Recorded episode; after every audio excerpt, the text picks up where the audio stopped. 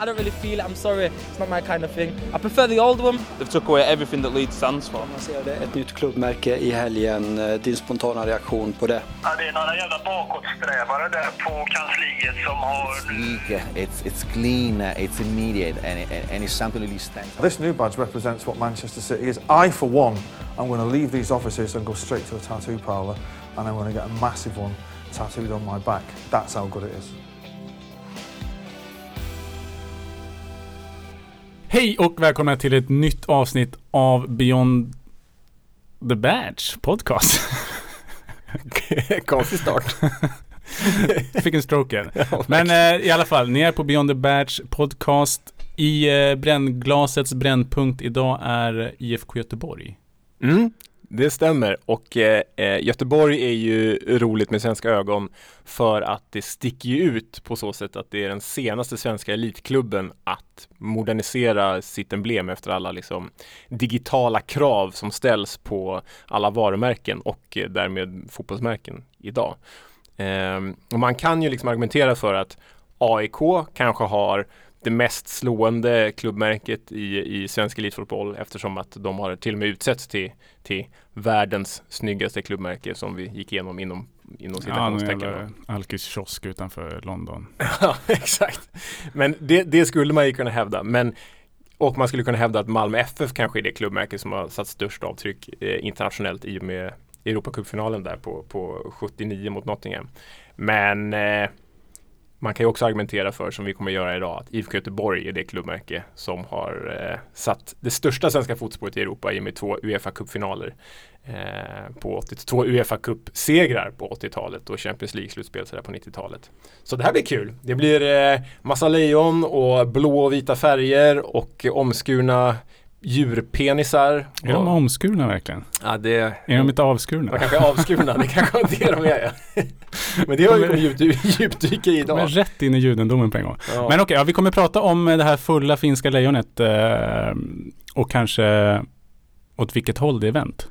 ja, precis. Det kommer vi gå igenom. Men eh, innan vi gör det så kanske vi ska ta oss igenom eh, nyhetssvepet kring nya fotbollsemblem i Europa och världen.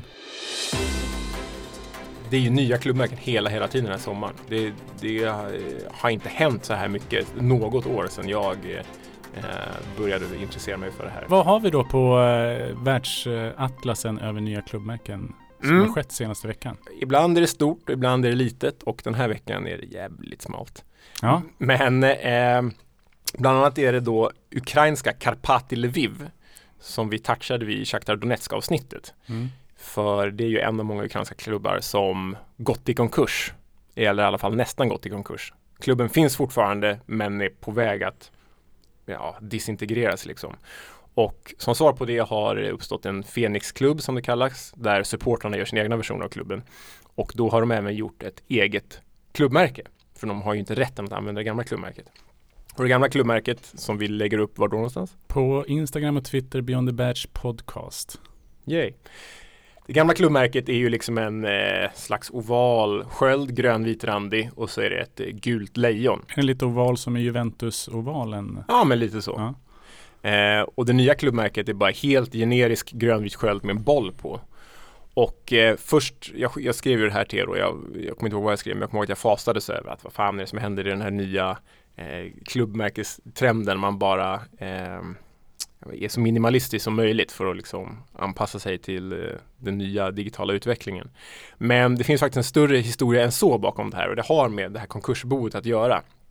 För de vill köpa rätten, den här supporterklubben, vill köpa rätten till originalklubbmärket. Men de kan inte göra det så länge originalklubben fortfarande finns, vilket den gör. Men den är, det är på sina sista andetag liksom. Så därför har de bara köpt ett typ clipart-märke från någon så här eh, vad säger man, logo-sida. Du, Om du söker football logos Mm. och så kan du köpa den för typ en pund 25 cent liksom. Det är, vad, det är vad de har gjort och så skrivit in sin egen text. Så det klubbmärket är ju jätte, jätte, jätte hiskeligt men det är tack och lov inte långsiktigt för det kommer bytas ut så fort de De är som gamar kring ett kadaver. De bara väntar på att den där Ja, klubben ska... så till alla Karpati Lviv-supportrar där ute Var lugna Det gamla märket kommer komma tillbaka. Ja, ja. Vad har vi mer på eh, den klubbmärkeshorisonten? Har vi något ännu smalare eller kommer vi liksom Nej, vi har något ännu smalare. Ja, det trodde man inte skulle gå, men kör. Här är shoutout till min kollega och kompis Rami Nouri som uppmärksammade mig på det här och jag vet inte vad han gör i den ryska andra divisionen. Och vi hade väl inte tagit upp det här egentligen om det inte vore för att det här är höjden av minimalism. Det är det absolut sjukaste klubbmärket i den här genren som i alla fall jag har sett. Hur, ser, eller hur har det sett ut då? Ja, men som ni kommer se på, på eh, våra kanaler och sociala medier så är det ju typ ett hockeyemblem. Det är ju en jäkla fiskmås i profil och den är jättetecknad och så står det något på kyrilliska. Och den här klubben heter då med uttalsreservation FC Shaika Peshanokopskoje. Just det. De ja. Mm. Och de har liksom bara blivit helt supertagna av den här digitaliseringen. Så det de har gjort med sin eh, NHL-aktiga fiskmås är att det är en, eh, alltså det ser ut som en, eh, ska man säga, missbildad play-knapp. Det är vad det ser ut som. Ah, Jag okay. tycker det ser ut som Mizuno-loggan lite. Ah, den är bra! Ja, Mizuno-loggan är bra. Men sen när jag såg att det var en fiskmås så har det någonting mer tycker jag. Ja. Eh, du, tyck, du tycker det? Det har någonting Ja mer? men det har någonting mer när jag såg att det var en fiskmås för då blev det ändå lite cleant på något sätt liksom. Alltså, det, vet man att det är en fiskmås så ser man ju att det är en fiskmås. Men det ser ju verkligen ut som en, tänk att du får en spricka i din eh, mobilskärm och så går sprickan rätt över play-knappen. Jag Så har inte ut. sett det, men ni som är inne på Instagram och Twitter, ni får jättegärna. Okej, nu håller producent Hampus upp någonting här som eh, Ja, det ser för jävligt ut alltså. Det ser ut som Stena Lines nya logga. Ja, den är riktigt sjuk alltså. Ja, den var... Gå in och kolla på Instagram och Twitter, Beyond the Badge Podcast. Säg vad, om ni liksom, eh, gillar ni den så gilla den. Om ni inte gör det så... eh, Vi slänger upp en, eh, en liten omröstning på Twitter. Ja, det tycker jag verkligen vi ska göra. Ja, men liksom den här minimalistiska utvecklingen. Jag hatar den ju, men Mm. så, så, så kan det vara. Mm. Och det tredje eh, är ju då Bury AFC. Och Bury, vad är det för någonting David? Jag tänker mig att de är vinröda på något sätt, men det är de inte. Nej. Nej, absolut inte. De är blå, blåvita, blåsvarta. Eh, och det speciella med dem är att de är lite som Karpati Lviv. De konkade i princip, fast har inte konkat helt, så klubben finns kvar. Men det är också en Phoenix Club, fast det är egentligen inte en Phoenix Club för de, de reser ju bara ur askan när den första har dött. Och den första har inte dött helt än, men den är utesluten ur ligasystemet på grund av ekonomiska oegentligheter. Och då har Bury AFC, förra klubben hette ju Bury FC, men Bury AFC, vi är alltså utanför Manchester någonstans här. Stolt, anrik engelsk, inte liksom högsta divisionsklubb, men ändå en stolt anrik klubb med många, många supportrar. En slags motsvarighet till Sveriges Örgryte kanske? Nej men Örgryte har ju ändå varit Väldigt taskigt mot Örgryte. De, de varit är väldigt ju prominenta och stora Ja, liksom. men, men ändå inte längre väl? Nej, inte längre. Men nej, absolut inte. Men Örgryte har ändå vunnit titlar. Det är som att säga att Ny. Demokrati är ett, eh, liksom ett stort parti i Sverige. de hade de dansat en sommar. Fan, Harald Treutiger kommer bli jävligt arg om du jämför Örgryte med, med, med Ny Demokrati. Inga likheter i övrigt ska dras. Men, men okej, det finns inga likheter mellan Örgryte och uh, Bury AFC längre. Ah, jag vet inte, du får stå för det. Mm. Men Burys fans då har ju, fick rösta fram ett nytt klubbmärke. Härligt tycker jag i alla fall. Man går Mm. direkt till fansen. Och vad vill ni ha? Och de röstar fram, vi vill ha vårt gamla klubbmärke. Så i den mån det har gått, eftersom att de inte har rätt att använda det gamla helt och hållet, så har de gjort en lätt tweakad kopia på det gamla klubbmärket som egentligen är stadsvapnet, Burys stadsvapen eh, som är förankrat i den lokala industrin. Liksom. Eh, och jag tycker det passar bra att nämna Bury idag och deras stadsvapen för IFK Göteborg är ju ett stadsvapen. Också ja. Mm. Och då kommer vi nämna kanske, eh, lejon är, måste väl ändå vara det absolut vanligaste liksom, inslaget i stadsvapen eller? Ja, i stadsvapen vet jag inte men, men i klubbmärken av djur så skulle jag absolut säga att det är Men det finns ju inte liksom så här, jag tror att all, eller är det kanske riksvapen jag tänker Ja på? men, men absolut, visst herald, jo, ja, du har nog rätt Alltså där. alla det, nordiska länder har ju lejon. Norge har ju, och kanske tanigaste, liksom, det är ett smalt jävla lejon vet jag att de har. Har ju ett smalt lejon. Utmärglat lejon. Ja jag. exakt, som Okej. jag tror står. eh, Som de alltid gör. Men den här liksom står som är, vad heter den? Tiger King utmärglat eh, lejon. eh, liksom lite mer resligt. Jag vet att Danmark har också, jag tror att Danmark har, producent Hampus för er som inte ser, har på sig Englands eh, landslagströja idag. Och Danmark har ju också utdragna lejonen som England har också. Mm, ja, England, exakt. Och Skottland har ju The Rampant Lion, stående lejonet. Och, Finland har ju det här fulla lejonet. ja, exakt. exakt. Och Nederländ, nej, Holland Spanien säger jag. har Holland har lejon. lejon. Ja. ja, du ser. Fan, ska vi skippa Göteborg? Tråkigt. Sverige har ju lejon. Ja, Sverige har lejon. Nej, men alla har lejon. Bra, bra span. Innan vi drar igång trudelutten så kan vi väl säga att liksom lejon bara rent generellt. Det står ju för liksom mod och styrka och kraft liksom. Det Mm. vad det man vill signalera när man har ett lejon i, i ett rallyvapen eller i ett klubbmärke som Chelsea till exempel. Aston Villa. När vi går genom staden över broar och torg med doft av salt ifrån haven minns vi glädje och sorg. Och vi minns första gången när änglarna sjöng hur vårsolen värmde och vintern var glömd. Och när vi kastar våra tår hur bra är den här? Tycker du, tycker du, alltså den är ju allmänt accepterad som den bästa svenska inmarschlåten. Och innan jag säger vad jag tycker så vill jag ställa frågan till dig. Tycker du att den är så bra eller är den överskattad? Alltså jag Tänk såg... på att det är massa IFK Göteborg-människor Ja. som lyssnar nu. Jag vet, och jag har goda vänner som är IFK Göteborg också. Men den har ju någonting. Alltså den är ju... Jämför jag med AIKs låt, och då vet jag inte om jag liksom bara går för att jag tycker värre om AIK än vad jag tycker om Göteborg. Ur ett supportperspektiv. Så tyck, men jag tycker att den här låten som vi har lyssnat på med Joel Alme är betydligt alltså ljusår bättre än eh, AIKs till exempel. Alltså jag tycker om, om man ska gå in på den jämförelsen så tycker jag att, om vi ska passa den här låtparentesen, men och vi AIK är ju så här. Snart skiner Poseidon har ju fått liksom cred för att vara egentligen den inmarschlåt som tog fotbollsmusiken till en riktig nivå. Till, till nu gör vi riktig musik av det här istället för fotbollsmusik. Men, och vi i AIK är i alla fall mig veterligen äldre än så. Och tallar i alla fall på att vara en riktig låt och inte bara en skränig fotbollsdänga liksom. För den har ju ändå det här lugna och lite så här körstämmiga aktiga så. Men med det sagt så tycker jag ju att Snart skiner Poseidon, även om det är en tråkig åsikt så tycker jag ju att den är bäst. Mm. Den var väl också en riktig låt förut? Eller innan den blev Poseidon? Ja, nej, men som producent Hampus eh, säger här i bakgrunden så, så var det ju en, en eh, eh, riktig låt en gång i tiden när eh, Joel Alme var en del av Hästpojken. Så gjorde de ju, ska se om jag säger det här rätt, A Young Summers Youth är det va? Och eh, den är ju fasiken ännu bättre. Det är en riktig så här, nu hivar vi bärsdänga på en irländsk pub. The winter, you blow out the spring, and you tease the wild autumns with lilies of Han i Hästpojken Eliasson, om jag missminner mig rätt här nu vad han heter. Han, han fick ju rättigheterna till just den låten Jaha. av Alme. Vet du hur? Ett krogslagsmål? Nej, han aning. köpte den av honom. Jaha, okej, ja det var, okej. Genom att han köpte en kebab. Är det sant? Han bjöd på en kebab. Nej. Så fick han rättigheterna till den. Är det sant? Jo. Jaha, ingen aning. Jävla supertrivia. Mm. Så, aha. Så det är han som tjänar pengar på det?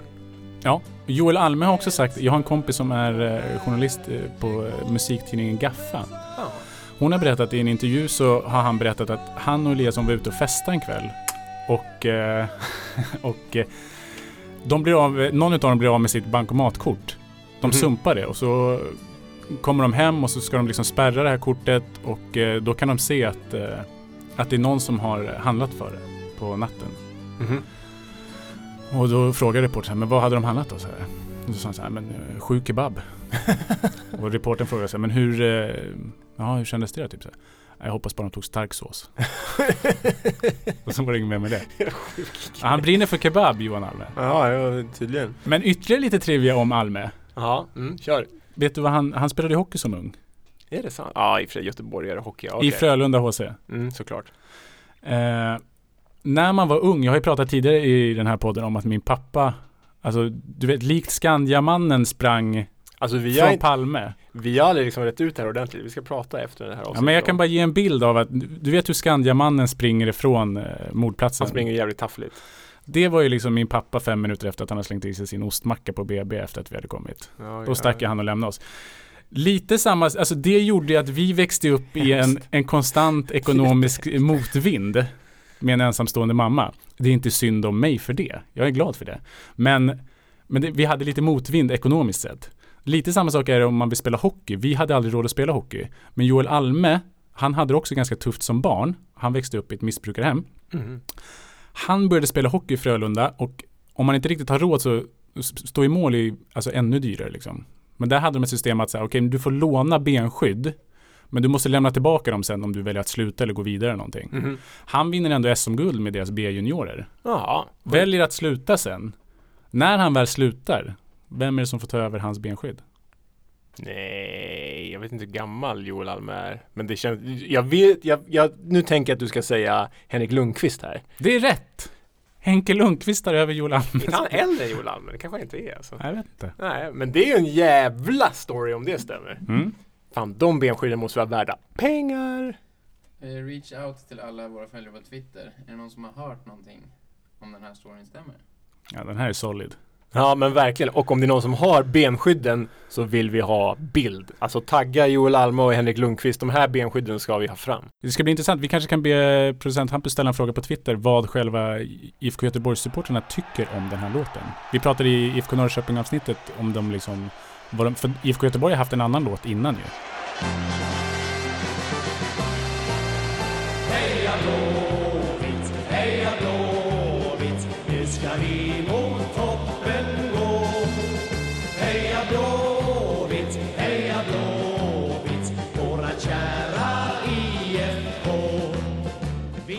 Heja Blåvitt eller vad den heter. Mm.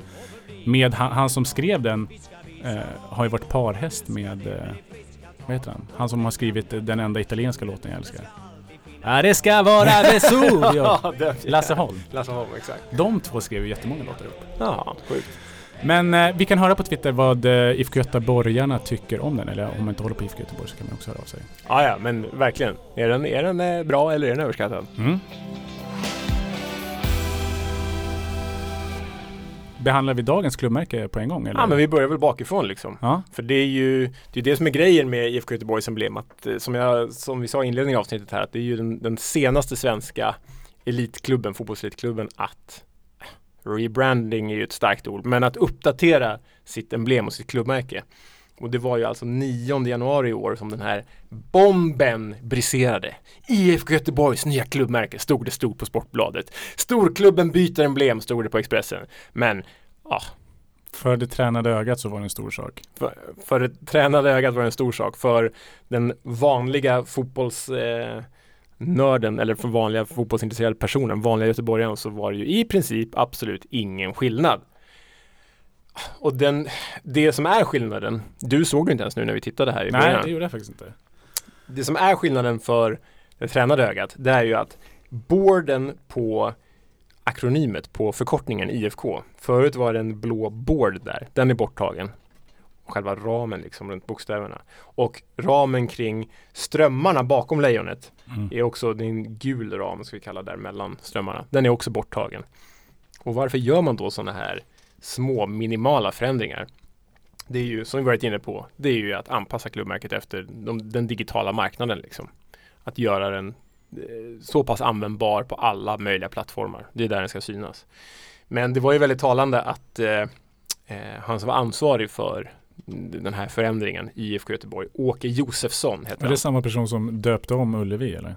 Nej, nej det är inte han. Åke, Tog Jo- 27 miljoner. Nej, Nej. kallas. Åke, Åke Josefsson är ju verkligen hatten av. Alltså, han Ja. har varit otrolig hjälp eh, när jag skrev min bok eh, Ja, okej. back in the day. Otrolig hjälpsam figur. Och han sitter då i IFK Göteborgs historiska utskott. Eh, som blev ansvarig då för den här klubbmärkesuppdateringen. Mm. Och han sa ju när det här märket släpptes att eh, många kommer inte ens tänka på att det ser lite annorlunda ut.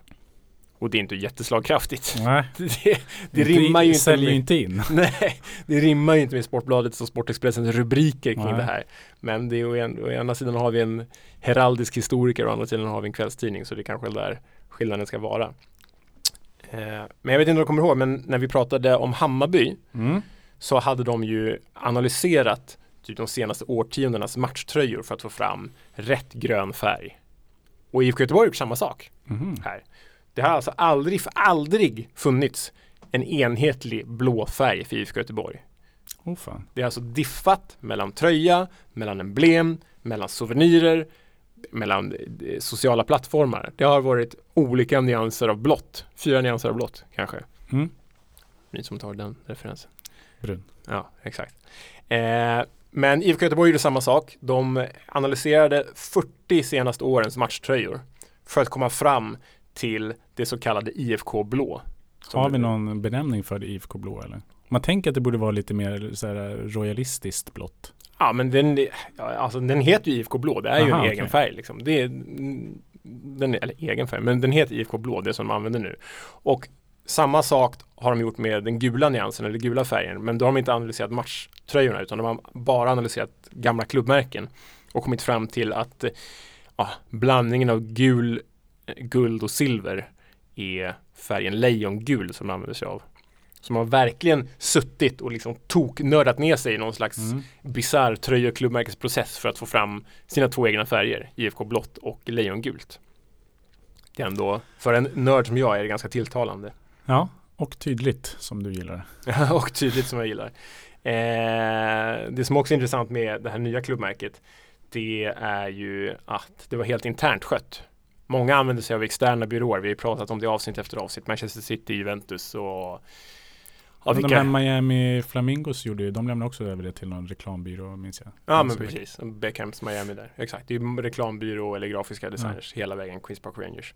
Men IFK Göteborg har skött det internt. Och visst, det är ju en väldigt, väldigt liten förändring, men en ack så viktig förändring. För nu är det enhetligt, det var det inte förut. Och som sagt, det, för det otränade ögat kanske man skiter i vilket. Men för klubben så blir det tydligare. Mm. Det blir bättre. Så det är liksom wow, det är grejen. Det är väldigt ovanligt för svenska klubbar att uppdatera sig så här. För ända sedan 2013 då Häcken bytte klubbmärke så är det ju bara Häcken, AIK och IFK Göteborg som har gjort nödvändiga digitaliserade uppdateringar med sina emblem. Det, det har inte gjorts annars men det kommer ju komma för annars hänger man inte med i utvecklingen. Jag förstår. Ska vi ta oss igenom eh, riksvapen eller stadsvapen? Eh? Ja, men det kan vi göra. För IFK Göteborg är ju någonting idag så ovanligt som en avbildning i princip av Göteborgs stadsvapen. Men kommer vi kunna reda ut det här? För vi nämnde i Norrköping att, eller det är ju också en IFK-förening. Mm. Där man har liksom ett uttalat eh, färdigt klubbmärke och du nämnde i Norrköping-avsnittet att man behöver ansöka om att förändra det. Dispens för att Exakt. se annorlunda ut. Exakt. Eh, och det kommer, det kommer vi till. Om Mm. vi, vi stannar här med liksom stadsvapnet. Det är Mm. ju en väldigt, som vi varit inne på, en väldigt gammal tradition att man ursprungligen hade man inte sitt egna emblem eller klubbmärke utan man hade stadsvapnet.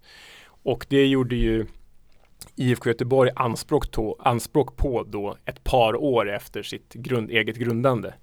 Eh, och då tog de stadsvapnet men de vände lejonet åt andra hållet. Och eh, anledningen till att de gjorde det det är för att när lejonet tittar åt vänster Mm. när det tittar åt vänster som heter heraldiskt höger, ska se så jag säger rätt där. När det tittar åt vänster men heter heraldiskt höger, då är det på flykt. Inom heraldiken då så är det ett flyende lejon. Mm. Men IFK Göteborg, till skillnad från staden Göteborg, var ju tillräckligt kloka för att inse det här. Så de vände ju lejonet så att det tittar åt vänster. Nu ska vi se så jag säger rätt här. Nej, förlåt. Nu har jag sagt tvärtom. Förlåt. IFK, förlåt. Stadsvapnet så tittar lejonet åt höger. Men det är ett heraldiskt vänster. Och det betyder att lejonet är på flykt. IFK Göteborg vände på det då. Så att det tittar åt vänster. Men det är ett heraldiskt höger. Har jag sagt rätt nu? Det är supertydligt. Alltså. Jävligt svårt nu. För er som inte kan höger och vänster så blir det ännu jobbigare här. Ja.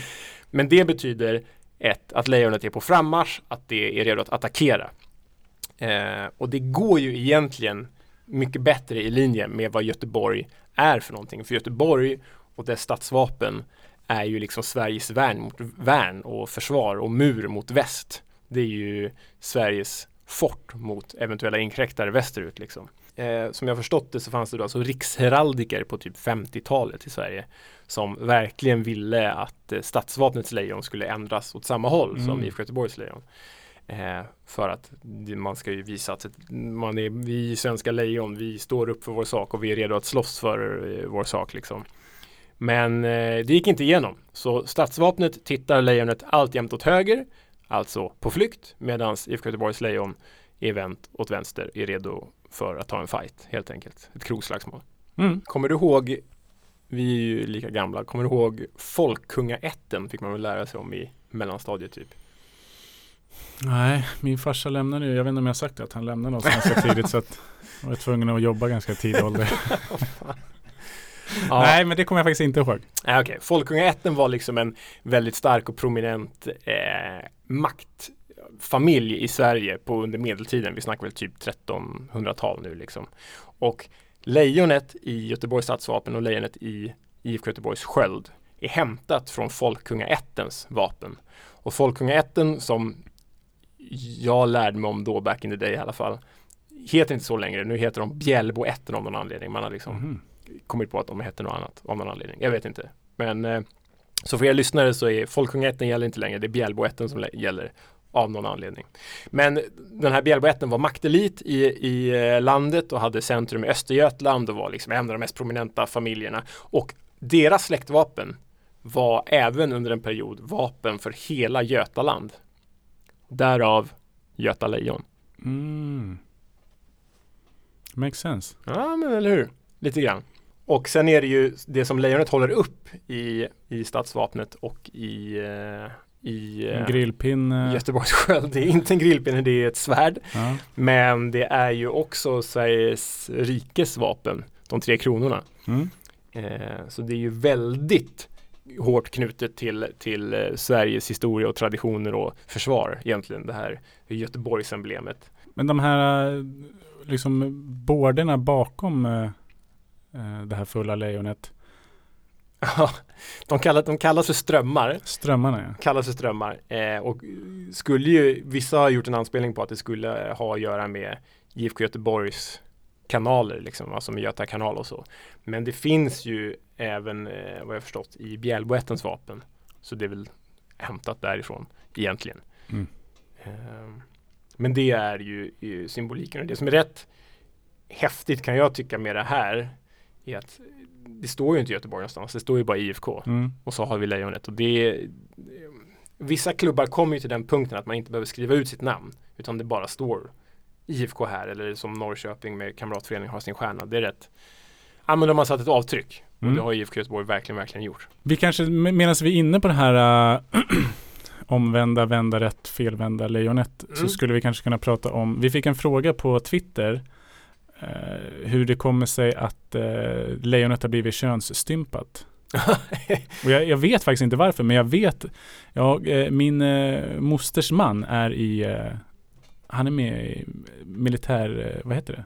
Underrättelsetjänsten i militären. Jaha. Han har berättat för mig att eh, de har ju själv lejon i, i militären. Mm. Och för några år sedan så... Nu låter det som att de har typ så här lejon som de rider på ute i strid. Ja, nej så inte. Utan som eh, något heral, heraldiskt. Eh. Ja. Och då var det ett jävla liv för att eh, i den här utlandstjänsten som de har eh, det här emblemet för. Så tog de också bort eh, Dachram. Ja, ja. Alltså Det- könet. För att det var Tjejer uttryckte att vi, det är också tjejer som är med i utlandsstyrkan. Eh, Mm. Vi tycker att lejonet symboliserar bara män. Eh, Mm. Så då gjorde de så att eh, Försvarsmakten valde att ta bort Pennis. Eh, och utan att höra med han som hade gjort det här heraldiska tecknet. Okej, någon ja. svensk kille. Som, och han hade blivit eh, mindre glad. Men han sa själv att han har gjort många sådana här heraldiska olika liksom, tecken åt Försvarsmakten massor med år. Ja, ja, ja. Men det har aldrig varit någon som varit inne och kladdat på det. Ja, penisen. Men eh, som i en tid då när historien skrev, skrivs om. Varför och när och hur kommer det sig att Göteborg skrev om eh, sin könskorrigering? Eh, jag önskar att jag hade svar på den frågan. Jag Mhm. vet inte varför. Men det som du berättar nu är ju faktiskt en ganska rimlig anledning. Liksom Brommapojken, hade ju Brommapojken aldrig haft ett manligt, aldrig, de har aldrig haft en fallos i sin sköld. Mm. Men vad jag vet i alla fall. Men de är två korsande händer och så heter de ju Brommapojkarna och det blev ju BP av Mm. ungefär samma anledning. För att vara könsneutralt eftersom att det är både män och kvinnor i föreningen. Så det skulle kunna vara en rimlig förklaring men jag har inte eh, svaret tyvärr. Det jag vet, det jag kan säga är ju att liksom stadsvapnets lejon som har en flagrant fallos så har ju IFK Göteborg haft det också. Mm. De har ju haft en, ett manligt könsorgan på lejonet dinglades omkring på, på, på skölden. Eh, men Ståendes mest skulle jag säga. Ja, det är, till och med, det är till och med ståendes. Det är inte så tydligt egentligen om man inte vet om det, men tittar man på, vi kommer lägga upp det här, men tittar man på föregående emblem så är det ett halmstrå eller ett veteknippe som sticker upp där liksom. För det sticker ju upp som Hampus säger, det, det gör det ju. Om någon har svaret där ute, någon allmän eh, Bildad sak. någon allmänbildad göteborgare, behöver inte vara göteborgare, ni får vara vad ni vill, Mm. men någon heraldisk typ. Skriv till oss, vi vill veta varför snoppen är borta. Yes. Eh, så är det med det. Men det man kan dra vidare från det här det är att det har funnits så enorm mängd olika klubbmärken i Göteborgs historia. Och det har varit spretigt som tusan. Och det som syns i min bok för er som skulle ha den Mm. det är ju bara ett litet, litet, litet urval. För när jag pratade med Åke Josefsson när jag gjorde den här boken så sa han samma sak som han sa vid, vid eh, årets emblemförnyelse att före 1979 då det satte sig något så bara spretade det så in i helskotta. Alltså det har funnits tiotals klubbmärken som har det fanns inte någon linje, man hade olika på tröja ett år och på klubben ett annat år. Det byttes hej vilt och det här har ju inneburit att lejonet har varit flyende, det har varit vänt åt andra hållet. Eh, det har haft ansad man under en viss period på, på förvisso under 90-talet då. Men som man ser dagens har ju liksom två lager man vad man ska kalla det. Mm. Men på 90-talet fanns det bara ett lager man. 90-talslejonet som då har en stående penis hade Mm. en kortare man. Jag vet inte om man behövde kompensera. Kanske man tog bort könet och så tryckte man dit mer man. Jag vet inte. Nej men det är ju stökigt att man har haft så många olika då. Det vet jag inte om därför att man har man är en horknullande hamnstad. eh, Att Oj. det är så mycket in Ursäkta. Ursäkta. Nej jag skojar bara. Vilka kan man se några tydliga, det finns inte några tydliga kopplingar alls eller? När försvann den här IFK-stjärnan eller när? Jo, men det kan vi prata om. Om om vi går tillbaka till klubbens grundande då. Mm. För som sagt, stadsvapnet har ju inte alltid varit märket. När grundas i Göteborg? IFK Göteborg grundas ju 1904 på ett café som heter Café Olivedal i Göteborg. Och det grundas då som eh, krets nummer 34 i idrottsföreningen Kamraterna. Alltså, vi pratade ett par avsnitt sen om IFK Norrköping. Mm. Jag kommer inte ihåg vilket kretsnummer de hade, men eh, IFK Göteborg är ju då senare än IFK Norrköping i alla fall. Så idrottsföreningen Kamraterna i Göteborg, alltså nummer 34. Och då började de spela i en blå tröja med en vit, eh, ett vitt horisontellt streck på Ett tröjan. bälte liksom runt. Ja, men typ. Och eh, kamratstjärnan över bröstet. Så IFK Göteborg började med kamratstjärnan. Och de använde ju precis som IFK Norrköping och alla andra IFK-föreningar IFK-flaggan och även en slags anrik IFK-sköld. Och det använde man fram till 1910. För då eh, introducerar man det ställ som vi känner igen idag, det blåvitrandiga IFK Göteborg-stället. Och då tog man också bort stjärnan. Och jag har inte kommit fram till någon officiell förklaring till varför stjärnan togs bort men eh, en teori är att eh, stjärnan inte syntes bra på det blåvitrandiga stället som man hade och då tog man bort den helt enkelt. Så man lämnade QPR-ränderna och gick över till Glasgow Rangers-ränderna. Och nu tror jag inte Rangers har några sådana ränder men, men Är det Hearts? Nej, du Nu är jag tänker ute på djupt vatten. du vill ha blåvitrandigt uppifrån och ner. Ja. Vilka har det då? Eh, men det blir, ja, alltså blåvitrandigt? Har inte Hearts det? Nej, de är vinröda. Real Sociedad? Ja, bra. Real Sociedad. Deportivo La Coruña.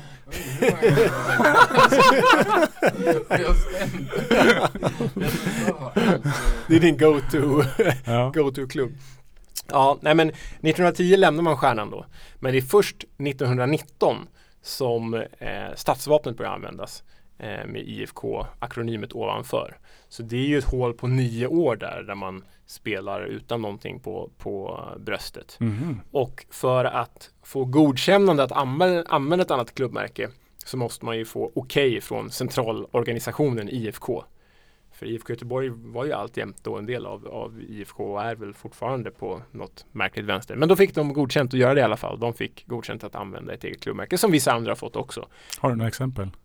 Eh, ja men det är ju, vi pratar om det IFK Norrköping avsnittet men det är ju, jag har ju som en sån sak när du bara ändrar färg till exempel IFK Grankulla i, i, i Finland som är Mm. mitt, mitt eh, De är gröna sådana. Ja, Grankulla, bra namn. Eh, nej men det är andra gäng också, IFK Malmö som är gula och IFK Mariehamn som har en hjort istället för stjärnan. Eller vad det nu är. Ja, det är, men IFK Göteborg är det absolut mest avvikande. Mm. Absolut mest avvikande, så är det ju. Om jag bara får avbryta lite snabbt här. Vi har ju pratat eh, tidigare om eh, vad färger kommer ifrån och så i olika klubbmärken. Vi pratade i Hammarby om att de hade gult och svart på grund av Eh, Johanneshov, sammanslagningen Exakt. Johanneshov där ja, att de krävde att de i alla fall skulle ha den färgen med. Exakt.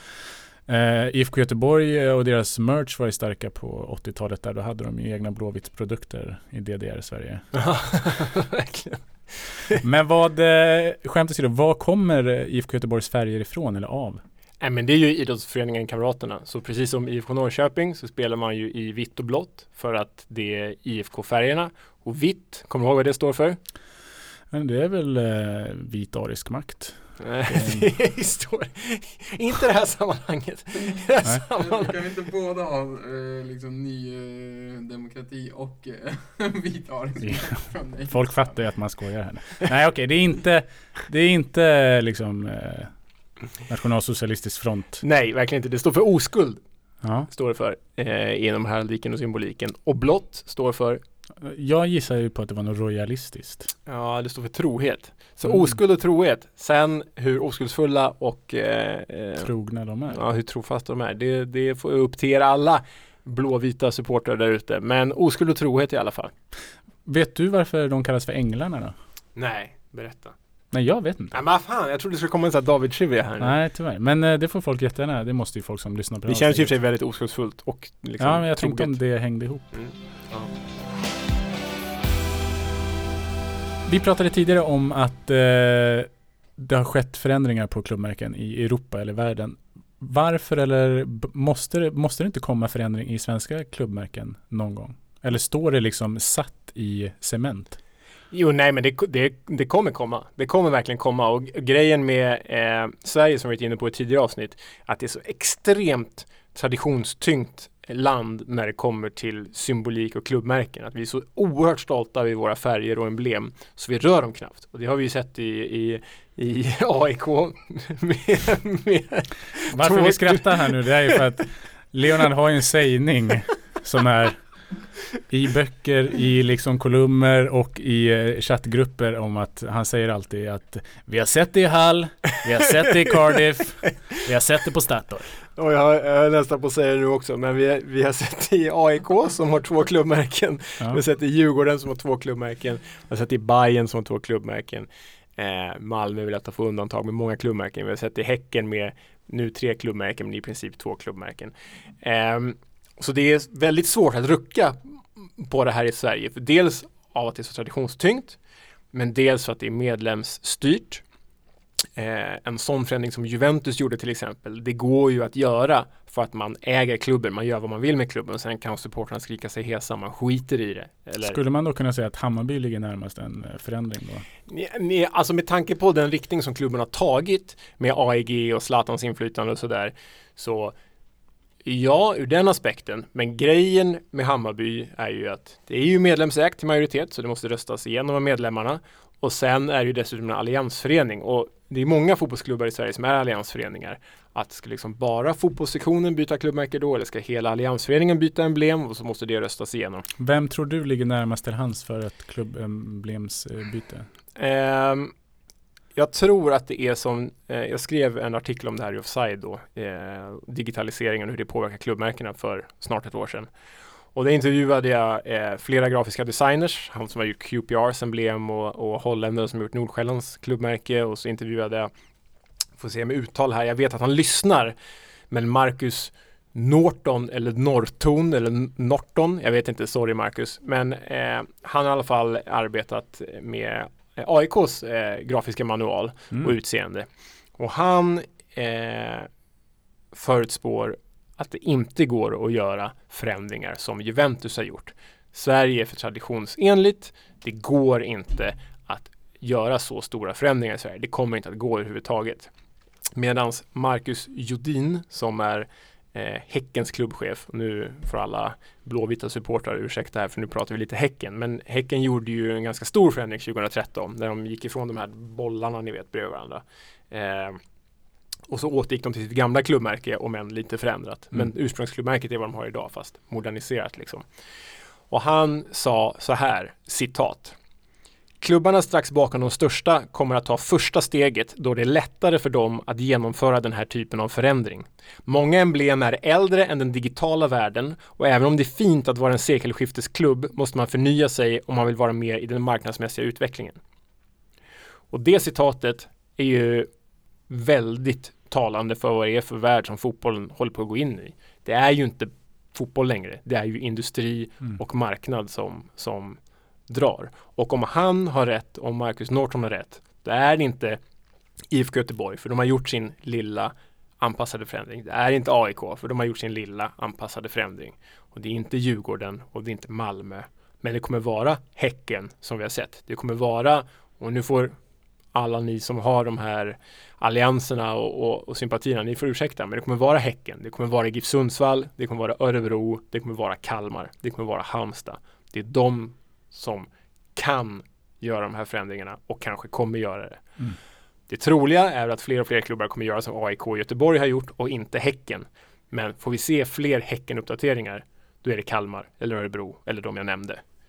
Eh, och det kommer ju närmare och närmre för sen Häcken gjorde sin ändring 2013 så har fem Premier League-klubbar bytt emblem, 10 Serie A-klubbar, 12 Liga 1-klubbar, det är alltså över halva serien.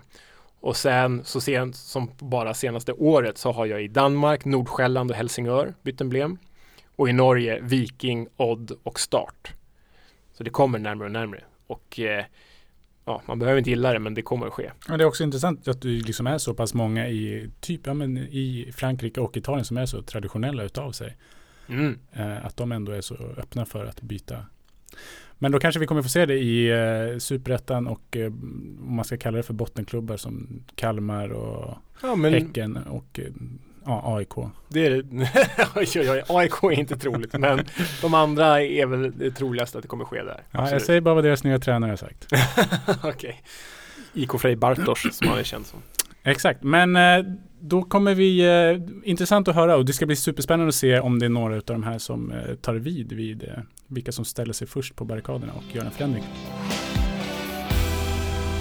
Vi eh, seglar vidare mot eh, nästa veckas avsnitt då. Ja, vi gör ju det. Och, eh, Vi pratade ju- smalt i början av det här avsnittet. Kommer det vara ett smalt eller ett brett avsnitt nästa avsnitt? Det kommer vara väldigt mycket både och. För vi har ju en gäst, En kollega till dig. en kollega till mig, eh, absolut inte vän höll jag på att säga, men jo det är han också. Men Jonas Dahlqvist kommer hit, reporter, eh, kommentator, programledare på eh, Discovery hos oss. Superduper fotbollsnörd som vi vet, allsvensk nörd som vi vet, men också klubbmärkesofil. Han är ju oerhört djupt engagerad i klubbmärken. Till skillnad från Erik Niva då som var här och inte brydde sig så mycket. Nej. Nej men eh, jag tycker också, jag vet inte om jag har sagt det, men min farsa lämnade ju mig rätt tidigt. Han har ju, Dahlqvist har ju en otroligt eh, härlig röst tycker jag. Eh, på tal om att vara pappa då? Ja men man vill ju ha någon som pratar en till ja, sömns. Han är väldigt, Jag vet inte hur det känns eftersom jag inte hade någon pappa. Men, eh, men det, jag tycker att det är viktigt med kommentatorer att de har en bra röst. Och eh, jag ska inte nämna några namn, men det finns de på Dplay, Simor eller vad fan man nu, Viaplay eller var man sitter, som inte har så behagliga kommentatorsröster. Mhm. Men jag tycker att Dahlqvist är en av dem som besitter en behaglig Ja, han, är, han, är, han är duktig. Jag kan ju inte säga något annat i den position jag är i, men jag tycker att han är bra också. Nej. Ja. Men med Jonas så blir det ju ett väldigt brett avsnitt för vi kommer ju liksom prata om klubbmärken generellt och hans intresse och vad är det bästa och vad är det fulaste, vad är det värsta han vet och varför har han intresset. Men så kommer vi också ha ett eh, litet eh, önskemål av honom, klubben vi kommer prata om och det är han som önskat faktiskt. Och jag vet inte, ska vi droppa det eller ska vi hålla det hemligt? Eh, jag tänker mig att vi kan säga det för att det här Ja, kommer ju bli en det. badboll som vi liksom kastar upp i luften och så kommer det bli eh, Ja. tusen olika saker utav det. Men vi kanske kan ta avstamp i hans önskemål som är Eintracht Braunschweig. Och vad har vi? Vad har du på dem David? Jag har exakt noll saker på... Har du exakt noll saker? Ja, jag kan inga, jag gillar inte tysk fotboll så jävla mycket. Ah, hallå. Pratade vi förra veckan väl då? Eller? Nej? Gjorde? Eh, deras jäger... eh, Ja, Ja, just, just det, du lite om De har haft Jägermeister som eh, klubbemblem eller? Utan att gå in på det för mycket men Eintracht Braunschweig revolutionerade ju klubbmärkena och fotbollströjorna på 70-talet genom att stänka upp Jägermeister över hela tröjan. Något som faktiskt förändrade hela fotbollsindustrin. Men det blir kul. Det blir brett och smalt. Ja, och med gäst, vad trevligt. Jag säger så här, vi knyter ihop den här Böff Bourguignonen och säger tack producent Hampus, honom har ni hört tugga på naglarna om det är någonting i bakgrunden.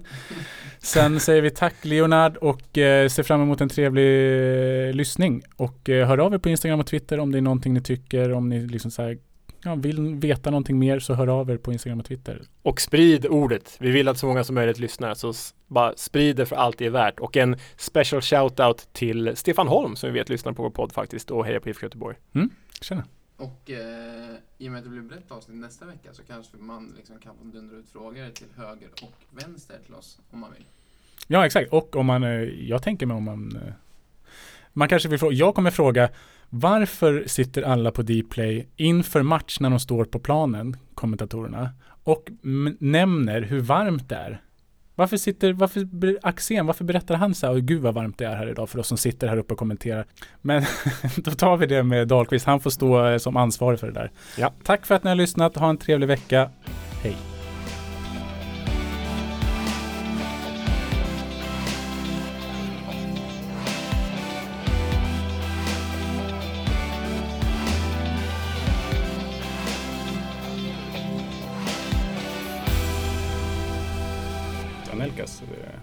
Nej, däremot såg jag någon som skrev på Twitter bara såg Anelka som och det är tydligen alla andras fel. Ja, han har lite Zlatan över sig måste jag säga. Ja, det kan jag tänka mig. Vad, hur är det då? Eh, men den gav ändå en tydlig inblick om hur det var i... Alltså för man fattade att det var stökigt i franska landslaget när han bara dundrade hem. Ja, ja. Men eh, det var ju inte riktigt hans fel. eh, Framgick det ju. Men den här är Anelka-vinkeln va? Nej, alltså till och med tränaren går ut och säger att så här, det tidningarna skrev Ja, okej. ja. om att eh, han skulle knulla hans mamma eller vad fan det var. Ja, Det stämde inte. nej, okej. Men han gick ut och sa det tränaren åtta år senare i sin dokumentär. Ja, Dominic eller vad fan han heter. Dominic. Dominic. Eh, Men det var många andra sådana situationer var ju där han var typ så här, "Ah, jag får inte spela, då vägrar jag gå till träningen i Real Madrid liksom. Ja, Eh, och det var någon annans fel eller? Ja. ja men fan var det... Alltså innan han var 19 han var ju typ, typ Arsenal PSG. Och Han var ju i Liverpool också, var svinbra. Ville vara kvar. Ja, Svinbra var han inte. Eller? Nej, men han blev ju bra efter det, men han hade ju varit svinbra där också om han hade fått fortsätta. Ja.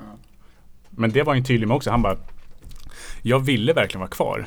Ja, Men det som var lite problematiskt var att hans brorsor skötte alla affärer. Och de var ju konstant ute och fiska efter mer pengar.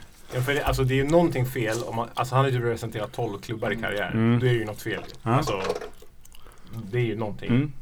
Och det lyftes lite, lite på det locket att hans Ja. brorsor hade liksom så här, okej det kanske inte var jättefördelaktigt att de gick omkring och pratade med massa andra klubbar precis när kontraktet var på väg att gå ut. Ja, okej. Och då hade de i Liverpool sagt men vi vill inte ha det här om du håller på och söker andra klubbar liksom. Just det. Ja. Men tog han upp den här, var det mer något den där med antisemitiska gesterna? West Brom? det var det. Hur förklar- Det var ju någon hiphoppare han gjorde, eller hur?